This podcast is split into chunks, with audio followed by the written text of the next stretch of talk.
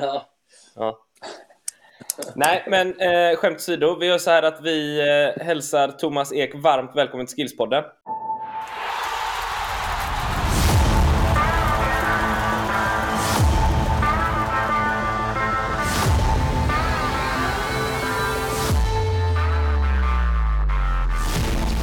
Stort tack, kul att vara med här. ja, kul att ha dig med Thomas. Skönt att, eh, skönt att få ha med ett, eh, ett sakkunnigt proffs i detta avsnittet som, som har eh, kommit fram lite efter de senaste avsnitten som vi har haft nu, jag och Anders, där vi har pratat med både, eh, eller främst Anton eh, Saletros som var inne på att vi ligger efter fysiskt och jag och Anders har ju alltid varit inne på att vi ligger efter tekniskt, eh, spelintelligens, spelförståelse, alla de sakerna egentligen. Eh, men det är klart att vi får inte glömma den fysiska aspekten också.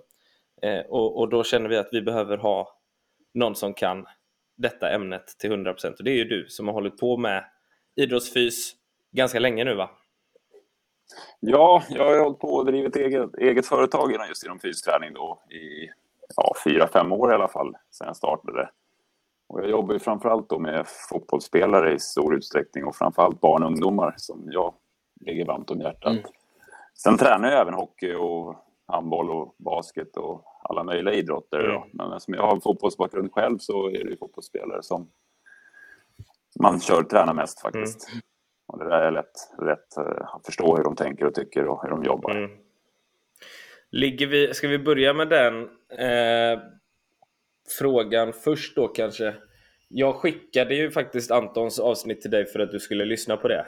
Nu hade du ju lyssnat på det ändå såklart eftersom du följer våran podd slaviskt hoppas jag.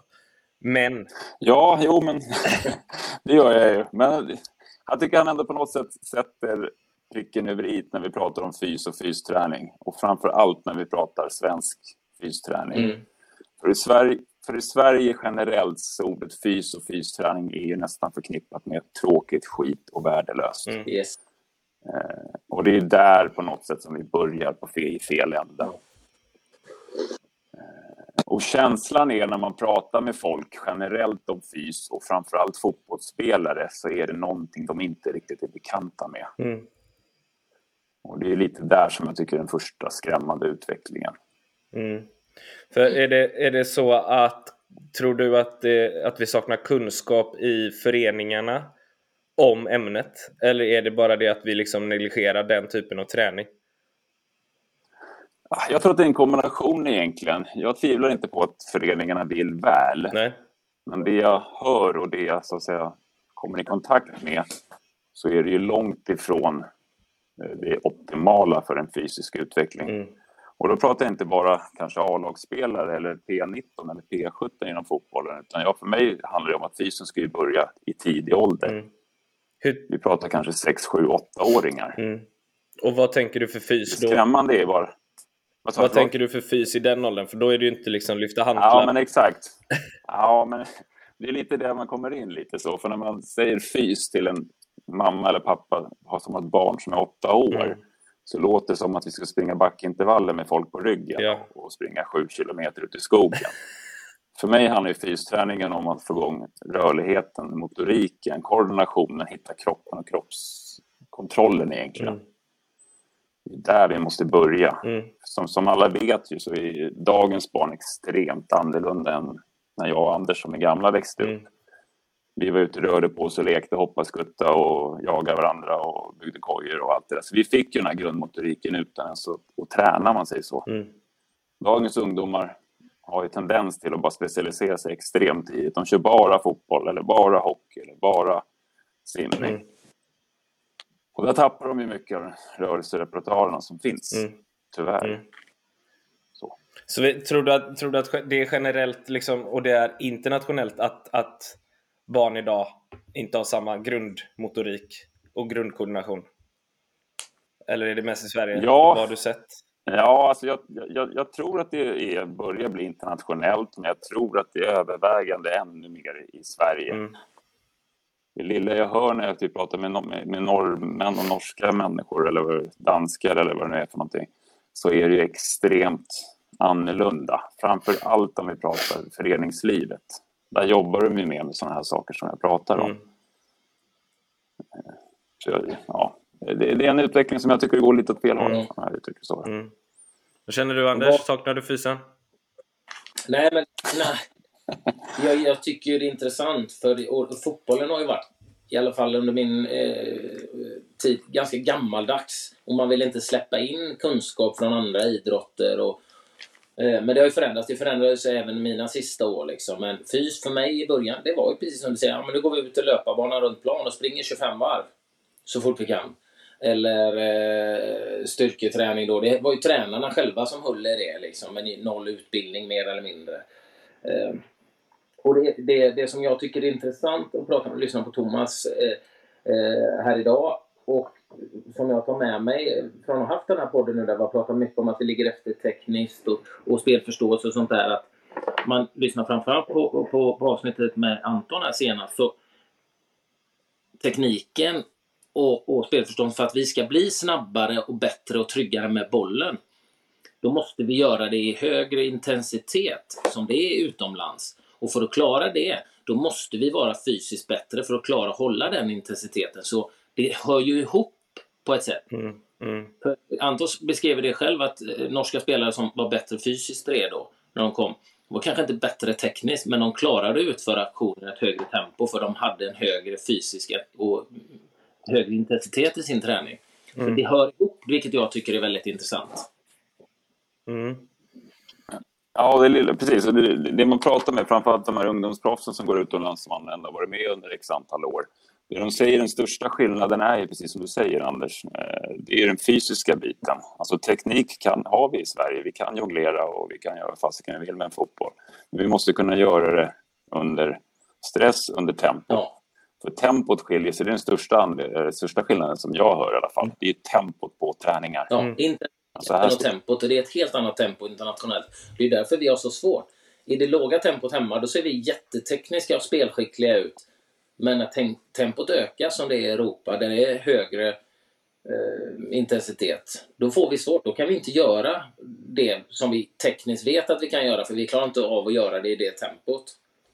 det är där vi, det, det, jag tycker det är intressant och det är liksom det är en ögonöppnare för mig. Det säger sig självt kanske lite, men jag fokuserat väldigt mycket i mitt huvud på att vi måste bli bättre med bollen och, och, och, och sådär i Sverige. Men det hör ju ihop vi kan ju inte bli bättre på det om inte vi tränar mer i ett högre tempo och en högre intensitet. Och det måste vi klara av genom att ha en, en bra fysisk... Eh, ja, ja, vara bra fysiskt helt enkelt. Men alltså jag, jag förstår ju, det här, är också en, det här blir ju också en resursfråga för, för klubbarna och sådär. Men, men jag kan inte se att det inte finns ett A-lag i eh, varken dam eller herrallsvenskan som inte har en fystränare i sin stab. Nej, alltså fystränare finns det ju gott om. Eh, så. Och även i jag menar, alla A-lag i Allsvenskarna och i både dam och herr, de har ju en fystränare givetvis. Mm. Eh, men det är som jag brukar säga, ska man börja köra fys när man är 18 och flyttas upp till ett A-lag, alltså då har vi, då har vi ett superproblem. Mm. Guldåldern för barn är ju att börja så tidigt som möjligt, framför allt det motoriska mm. Och koordinationsmässigt. Jag menar, börja med en 18-åring och lära han göra en kullerbytta, eh, det, det, det, det, går inte. Det tar extremt mycket tid. Mm. Utan man måste ju börja nere på, på basnivåerna och då pratar vi akademierna när de flyttar upp folk när de är 8, 9, 10 år. Där ska man ju lägga all, all krut man kan egentligen på fys. Och än en gång, fys är inte den fysen som traditionellt man menar när man är i 40, 50, 60 års ålder. Man springer med folk och upp och ner på, på en jävla backe. Utan man börjar med, med kampsport eller man börjar med gymnastik, man börjar med dans, man börjar med lek och sånt där. Mm. Och det är där som jag tycker vi ligger mest efter. Men har det blivit en förändring? Har du, har du sett en förändring de senaste åren? Att det har blivit bättre? Tar man till sig det? Att, eh, att börja implementera det i tidigare ålder, fys? Eller är det fortfarande ett motstånd och eh, okunskap? Ja, alltså kombinerat i kombination egentligen. Grejen är så här att man, man, man vill nog. Eh, det man, är, det man har svårt att hitta det är det som kallas tiden. Mm. Eh, man tycker att man, man tränar tre dagar i veckan Eh, hur ska vi ha tid med, och möjlighet med att köra ett fjärde pass, fys till exempel? Standardfrågan jag får från föräldrar är kan, kan mitt barn, blir han utbränd eller blir han övertränad om man kör ett fjärde pass? Det är lite där som vi har det största problemet egentligen. Eh, nej, ett barn kan inte bli övertränad. De kan inte bli utbrända. Eh, utan problemet är oss vuxna. Vi ska köra barnen, vi ska fixa och vi ska laga mat och allt det där. Det är där vi har det absolut största problemet. Ett barn som vill träna utan så att säga har, ska säga, eh, att de måste träna, man säger så. de gör det på egna premisser. De kan ju träna ett par timmar om dagen. Mm. Sen får det inte vara monotom träning. Vi får inte hålla på och bara springa runt och sparka en boll. Utan däremot om man går ut och cyklar eller eh, spelar det, innebandy eller vad det nu är för någonting. Det kan de hålla på hur mycket som helst. Mm. Det kallas ju spontanidrott. När jag var liten, idag är organiserad idrott bara nästan som existerar. Mm. Så... Eh, och sen är det ju det här, om du pratar om det blir någon förändring i... Så jag ser, men, det största problemet man kan se det är ju de sista 15 åren. 15 åren så har ju slatt, till exempel slatteknä som alla vet vad det är för någonting. Har ju, senaste 10 åren har det krypit ner från 14-15-åringar ner till 10-åringar. Oj. Det, det säger ju någonting. Jag vet inte när du växte upp, Anders, eh, hur det var hos dig, men när jag växte upp och spelade fotboll och spelade Djurgården, eh, ordet slatter existerade ju knappt. Nej. Nu vet ju alla tioåringar vad slatter är. Och det, ja. det, det är någonting som inte är som det ska, så är det. Nej, och det, det, det är intressant. Det, jag tränar ju som ett lag som är 12-13 där vi har några som har jätteproblem med det. Och jag, jag, jag ska säga att jag är för dåligt insatt var det kommer ifrån. Det är ett begrepp som jag aldrig hörde när jag var liten. Eh, sen var jag rätt liten och växte inte sådär jättefort någon gång egentligen. Eh, och, och jag tittade på någon, vi har en nu, en, en av våra duktigaste spelare som har jätteproblem med slatter. Han, han är ju en av våra längsta också som har vuxit och snabbt. Jag hade i mitt huvud att det var förenat med, med just det med, med att man växer för fort eller väldigt fort och sådär. Men eh, det är ju ganska vanligt, det är flera som har det och har de här skydden och sådär. Men du menar att det är alltså på grund av att eh, vi har för dålig rörlighet och för dålig eh, fysisk Ja, framförallt så är det för, för ensidig träning och överbelastning på samma saker hela tiden. Ja. Eh, det, är det, som, det är där det största. Sen har det klart att det har att göra när man växer. Mm. Men vi har ju växt i alla, i alla år, så att säga. Men jag växte ju när jag spelade fotboll för 25 mm. år sedan. Det är, inte, det är inte ett nytt fenomen, utan fenomenet är att vi kör monoton träning. Alltså vi kör samma förslitningsträning hela tiden. Mm. Vi rör oss inte i olika riktningar, vi håller på med olika idrotter. Jag menar, när kan man nämna ett barn som sprang runt barfota och träna? Mm. Det existerar ju inte längre. Mm. Och det är lite där som, som, Hur? som skadeförebyggande. Ja. Det är ju inte just för det du säger, den här killen då som jag precis bokat eh, hjälper honom att få, få träffa en riktigt duktig sjukgymnast då, för jag lider med killen. Han är jätteduktig och älskar fotboll. Men har inte mm. kunnat träna nu på, på liksom egentligen några månader när det har varit vinter då. Men han har ju också slutat i... Han spelar ju andra sporter innan, bland annat innebandy så länge och var väldigt duktig där. Men älskar ju fotboll, vill spela fotboll hela tiden och slutade då innebandy. I det, och det i förra året. Så det, jag tycker det, ja, tycker det är intressant att det ehm, att det Slatte liksom som exempel just på att det är för monoton träning liksom. Och man, och mer och mer märker jag ju barn som slutar och vill bara liksom hålla på med en sport liksom. Mm. Och ja, det är lite... på med flera idrotter tyvärr. Och det är lite där man vill egentligen att föreningen ska ta sitt ansvar. Jag säger inte att men ett barn som vill hålla på med fotboll ska ju få hålla på med bara med fotboll givetvis. Inte där på något sätt jag trycker. Däremot tycker jag föreningar på något sätt kan lägga in fysträningen som en del av fotbollsutbildningen mm, då. Mm. Eh, man skulle kunna ha så att, säga, att man går och istället för att gå på fotbollsträningen så kan man lägga in och köra. vi, går på, vi kör kampsport, vi går och kör eh, gymnastik, vi går och gör det här så det blir en del av själva fotbollsutbildningen. Och det är det man måste få in i föreningslivet tycker jag. Mm. Hade det fungerat som skadeförebyggande då tror du eller? Ja, absolut. Det, det, det är lite det som är... Alltså, det finns väl ingen garantier. Givetvis kan Slatter och Ljumske och här problem komma ändå. Mm. Men jag tror att en stor del av skadeproblematiken hade försvunnit. Mm. Istället för det som jag pratade med förening för tre, fyra veckor sedan som tränade tre dagar i veckan. Eh, ett, ganska bra 12 år, 12 årslag och sen fick de led, en tid, tid ledigt till på en torsdag. Och då tänkte jag så här, men fan vad bra, då kanske de ska köra lite extra fys eller köra någonting annat. Mm. Nej, men då lägger de till ett till, ett till fotbollsträningspass. Och då tänkte jag, ja men vänta, när de har tre träningspass, ingen fys eller någonting, ja men då kör vi kör ett fjärde pass istället. Mm. Stå bakom koner och dribbla och springa och allt det där. Mm. Ja, jag, jag, tror inte på det, men det var, det, det, det var jag tror. Mm. Hur skulle du, om man har en tillgång till plan, kan man göra ett kombinerat fyspass och, och fotboll på plan liksom? Ja, men absolut. Där, jag menar, plan är jätte... Sen har vi planbrist här i Stockholm givetvis. Mm. Men jag menar, på planen, antingen man börjar innan eller efter och kör på sidan av planen eller på planen. Det går ett gammalt uttryck som, som hockeyn kör, att man kör inte armhävningar på is. Och det är väl lite det. Jag tycker, har man fotbollsträning bara en timme och en kvart, som vi har här i Stockholm på många ställen, eller en timme och en och en halv timme, det är klart att då ska det vara fotbollsträning.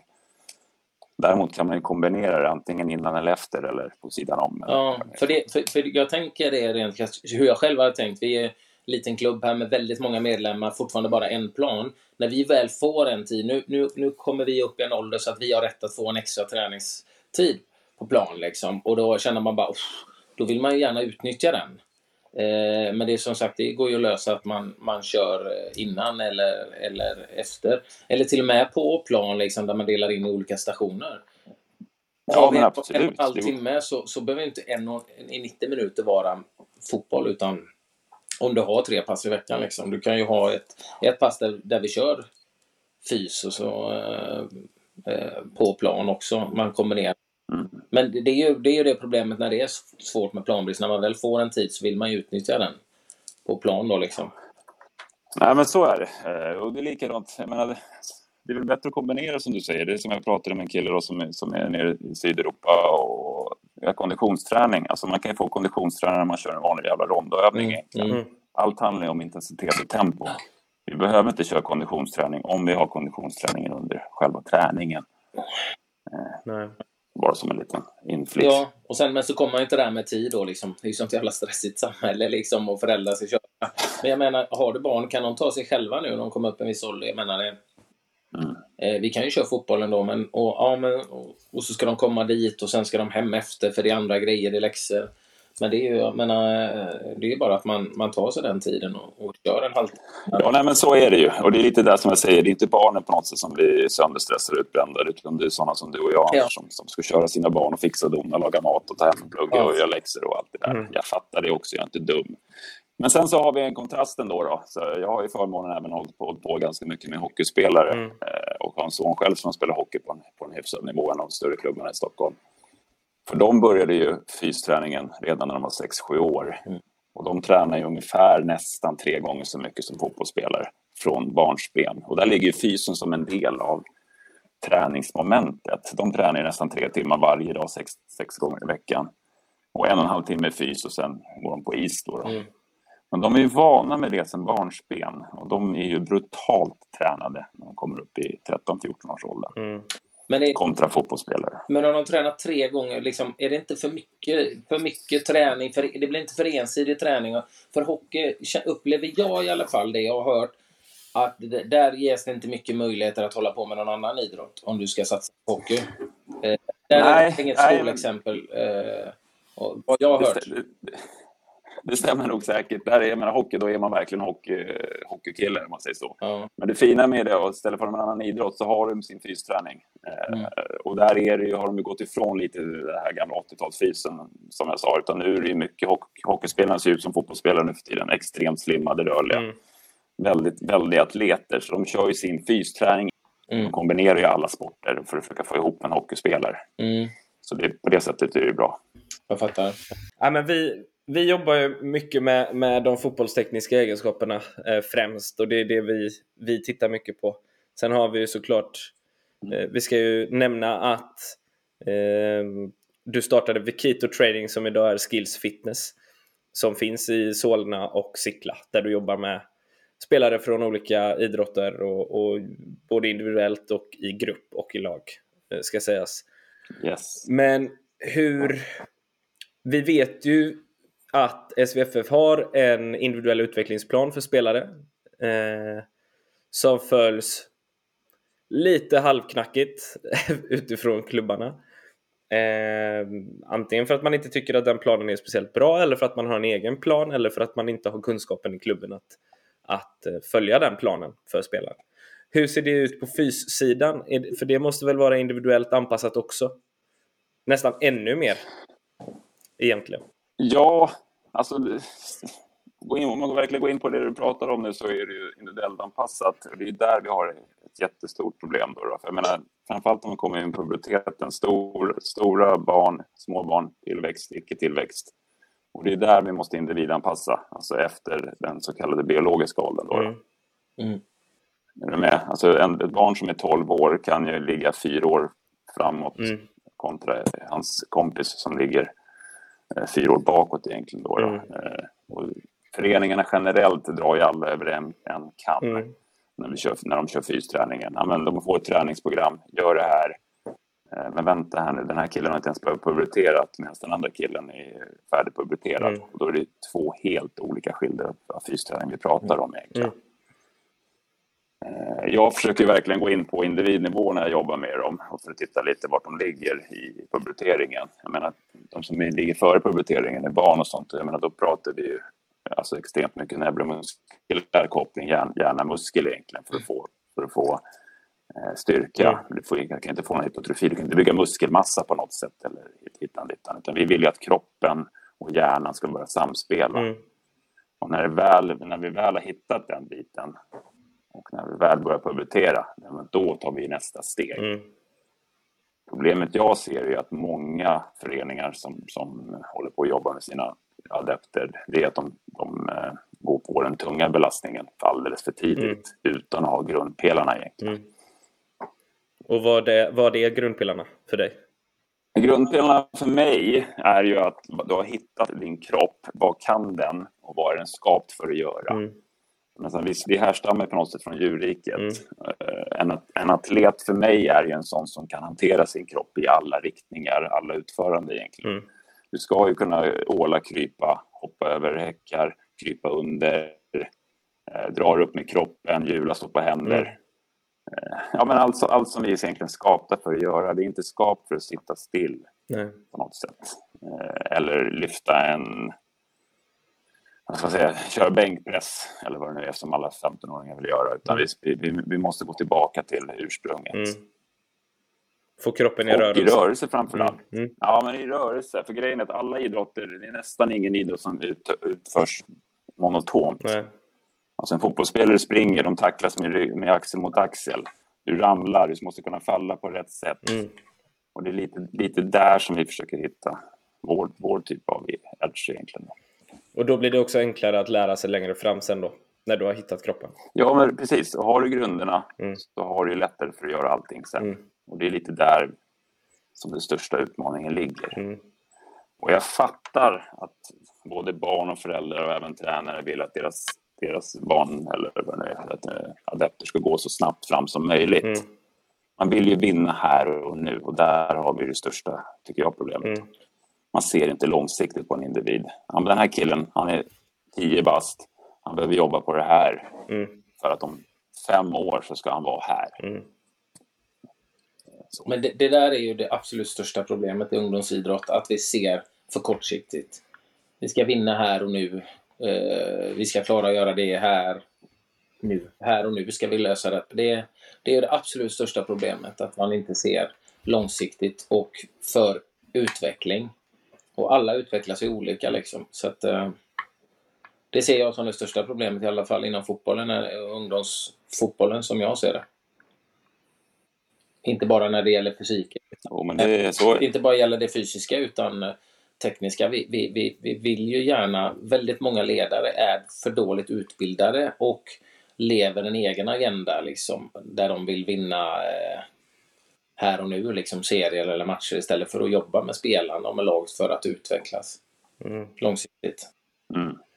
Ja. Hur, hur ska vi vända på detta då, Thomas?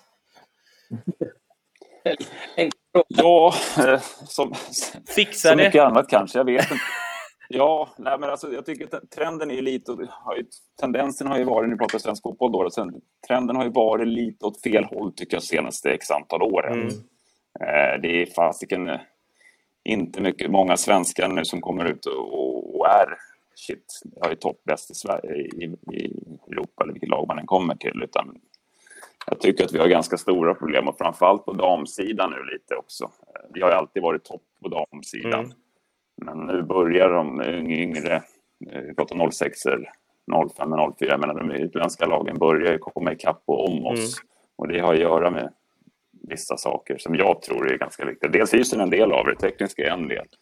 Men det största problemet tror jag är lite som, jag vet inte om ni kommer ihåg dig, jag var ute och pratade Mm. förra, var det höstas eller? Mm. Vi tränar alldeles för lite. Mm. Jag tror vi tränar alldeles för lite och när vi tränar så tränar vi inte på en, en nivå som jag tror är, är hållbar. Den går inte att anpassa måste- till... eh, Det går inte att anpassa den nivån så att spelarna är mer redo utomlands sen. Nej, ja. Nej, precis. Alltså, jag tror att i Sverige är det mycket sådär att vi, vi, vi går upp istället för våra koner, vi dribblar lite och, och vi jobbar på en lagom nivå. Utan att så att säga ta i för mycket, får man säga så, utan att låta för tråkig kanske. Mm. Men det är väl den största oron av väldigt många eh, tränare som vi har pratat med, både i podd och utanför, i, samarbete med vårt center, så, så är det folk, de är ju rädda för belastningen. Nej, vi kan inte träna mer, vi har för hög belastning. Och jag kan tycka ibland att antalet pass behöver nödvändigtvis inte bli mer, men hur vi tränar i de passen kan vi göra betydligt mer. Mm. Ja, nej, men absolut. Det är intensiteten som vi har pratat om tidigare. Det är där vi har ett stort... Jag menar, eh, jag menar Ajax 10-åringar tränar också tre dagar i veckan. Och det gör gör ju säkert eh, Borås också, eller var det nu är någonstans. Eh, det är inte där kruxet ligger, utan, Borås eller utan eh, kruxet ligger när vi tränar så måste vi jacka upp. Exakt.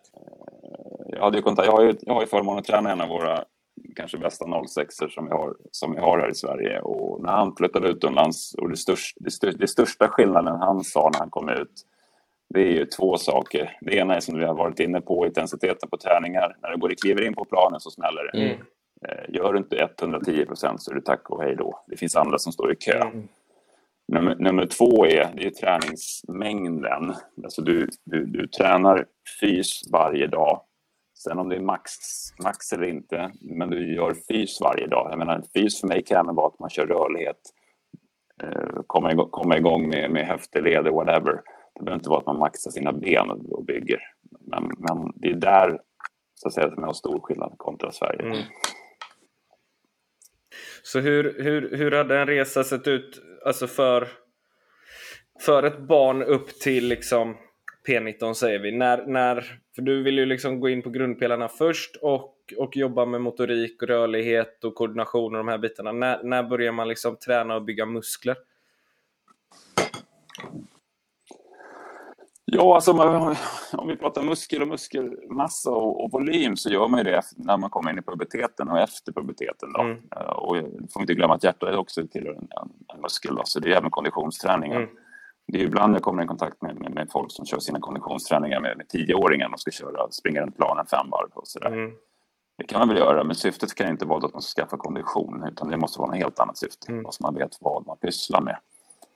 Eh, Men efter, från pubertet och framåt, då kan man börja bygga massa egentligen. Då. Mm. Sen får vi inte bygga massa på det sättet att vi börjar se ut som ja, volym. Nej. För det, menar, det, är en, det är en grej vi ska bära runt på också. Mm. Det får vi aldrig glömma bort. Ja, precis. Hur märkte, hur märkte du Anders, när, var det den skillnaden när du gick från Elfsborg till, till eh, Southampton? Just Alltså- fysen, hur var den? Eh, alltså, det var inte jättemycket eh, fysträning på det sättet. Det var ganska, du vet, brittiska tränare som jag hade var lite old school eh, löpning. Det var ju eh, konstiga löpningar. Det var ju lite grann att de skulle bryta ner oss. Vi fick ju skador för att vi fick inte ens äta för att han var på dåligt humör och så skulle vi springa runt en rugbyplan och jaga varandra liksom i 45 minuter. Eh, och då hade vi fått i oss en shake. Vi hann inte ens duscha mellan första passet och andra. Det, gammaldags. Och styrketräning började komma in där, där man eh, började göra lite med, med kroppen. Så, så det, men nej, det var inte bra heller. Däremot Nej. var det en jädra skillnad i intensitet på fotbollsträningarna. Mm. Gigantisk skillnad i tempo och, och intensitet.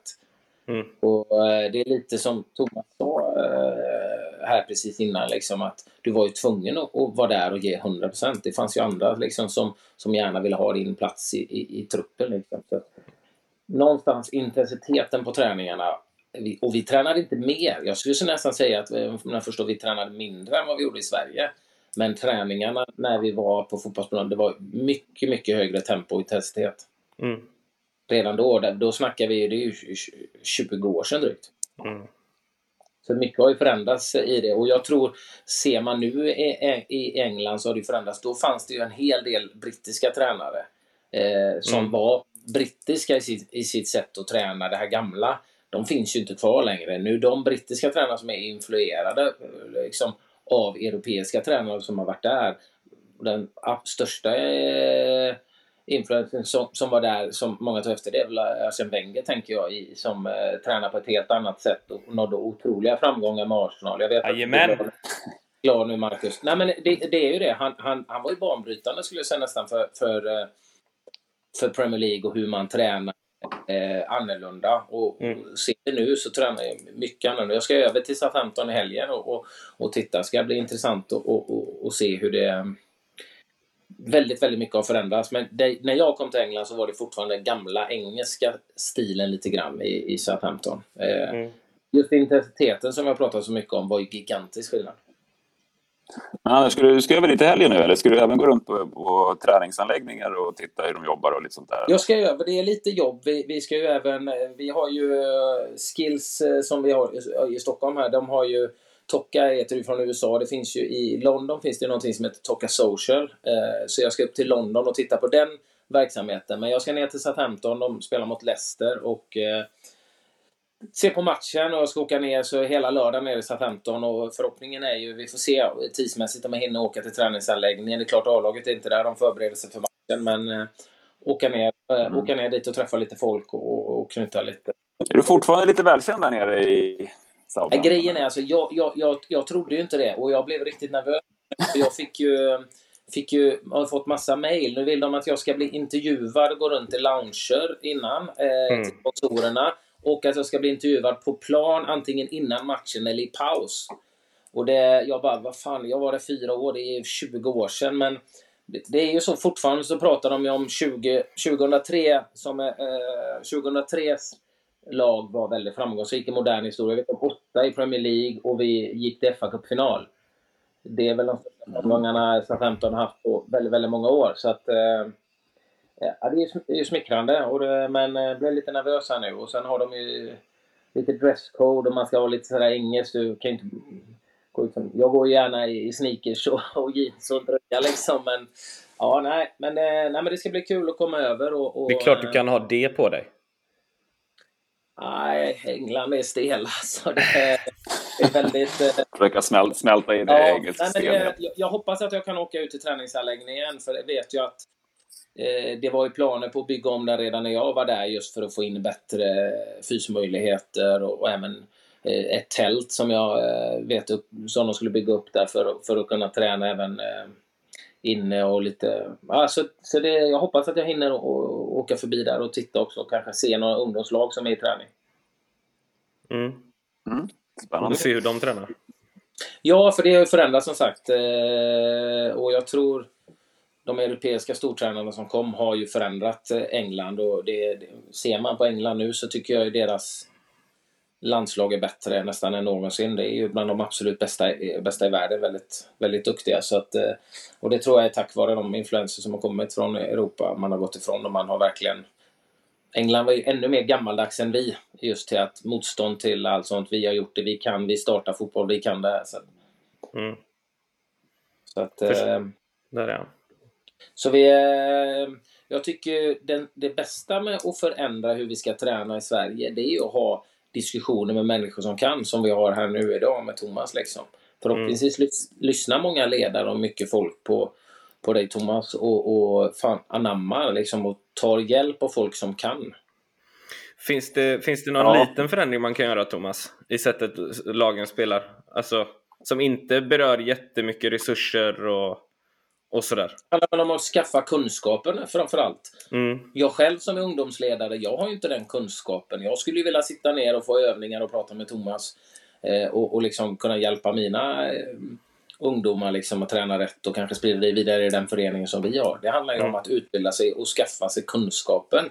Eh, för, för många ideella föreningar runt om i Sverige så, så är det ju föräldrar och, och liksom föreningsfolk som är tränare. Liksom. Och då har man kanske inte rätt utbildning, men har inte rätt kunskap. Och det är väl det som man behöver skaffa sig. Nu ställde jag ju frågan till Thomas. Ja, men precis. Men, ja. Ja, bra. Ja, men det är alltid fint. Nej, men grejen, är, jag, håller, jag håller helt och hållet med Anders. Och så där. Det är kunskapen man måste försöka suga in. Och, och det är framför allt det man ska dra åt sig. Det gör mig även själv. Alltså, jag, kan, jag är inte bäst på, något, på allt. Jag är inte knappt troligtvis inte bäst på något. Utan det finns de som kan och det finns de som lyssnar. Fan, sug in den kunskapen. Mm. Vare sig det är teknik, fys eller vad det nu är för någonting. Så, så, så lyssna på andra. Mm. Eh, och, och implementera det lilla. Alltså, allt är bättre än inget brukar jag säga också. Men har man bara tio minuter varje träning och kan göra lite andra grejer så är det jättebra. Mm. Jag har startat, jag har startat eh, ska man säga, ett samarbete med en stor klubb här i Stockholm där vi kör alla deras akademier egentligen från eh, pojkar 12 Mm. Ända upp till, till A-laget. Då. Och, och där kommer vi jobba med dem under x antal år framåt för att följa lite hur, hur det slår egentligen, både på skade, när det är skadeförebyggande då, då och deras utveckling i den fysiska. Mm. Där jobbar vi inte bara med att, att jag tränar dem, utan vi jobbar även med deras tränare för att implementera på träningsnivå. Att de får ett program av mig och jag följer med, jag följer, följer, hänger på och tittar och följer upp och tittar på varje individ för att se lite eh, vad vi kan hjälpa av varandra egentligen. Då, då. Det blir intressant att följa. Det har precis startat här nu och hållit på i dryga halvåret. Använder du data i din träning och din uppföljning? Ja, så det är också det klassiska. Fystester, är ju, alla gör fystester. Mm. Hela, hela Sveriges fotbollslag, alla lag är fystester. Mm. Men sen, gör de, sen, sen, sen har man gjort fystesterna, då är man klar sen. Ja. Sen nästa år, där, men då gör vi fystester igen. Ja. Ja, det säger så här, du sprang på det här, fan vad bra eller dåligt eller vad det nu är för något. Mm. Men fystester gör man ju av en anledning, det är för att se, för att se en progression egentligen. Mm. Och framförallt bedöma varje individ utifrån sitt, sitt eget fysiska kunnande. Mm. Och det är där vi, tycker jag, där använder vi försöker göra så mycket vi bara kan, men det handlar på något sätt om att få tid och att få folk med sig. Mm. Och framförallt föreningslivet då. då. Mm. Ja. Men visst, fystester, absolut. Har vi berört allting nu Thomas, eller som vi tänkte prata om? Eller har vi missat någonting? Ja, alltså, li, lite sådana här anekdoter kan vara bra att veta för folk där ute, Mm. om man uttrycker så. Och även för ni två som sitter där i, nere i södra Sverige. Mm. Eh, Ungefär hur, hur länge tror ni en fotbollsspelare i Premier League har bollen? Under en match? Och det är inte många, det är inte, det är inte lång tid. Det är, vi snackar sekunder ju, så att... Eh, Tror du det? Vad Sekunder? hade Thiago, vad hade, vad hade Thiago? Så var det typ 90 eller 91 touch eller någonting på en match? Han, Nej, men det är ju så. Alltså, fotboll, fotbollsmatch så, så har man bollen max ungefär 40 sekunder på en match. Och då pratar vi alla spelare. Då kan ni tänka att sexan, åttan, tian har ju bollen betydligt mer än en vänsterback. Mm. Så det är ganska stor del av, av matchen man jobbar utan boll. Mm. Jag brukar säga till alla så här, så du behöver kunna jobba och springa Mm. Eh, och orka. Eh, och varje touch man har är ungefär en sekund i snitt. Mm. Så touchen är ju brutalt viktig Mm. när man håller på med fotboll.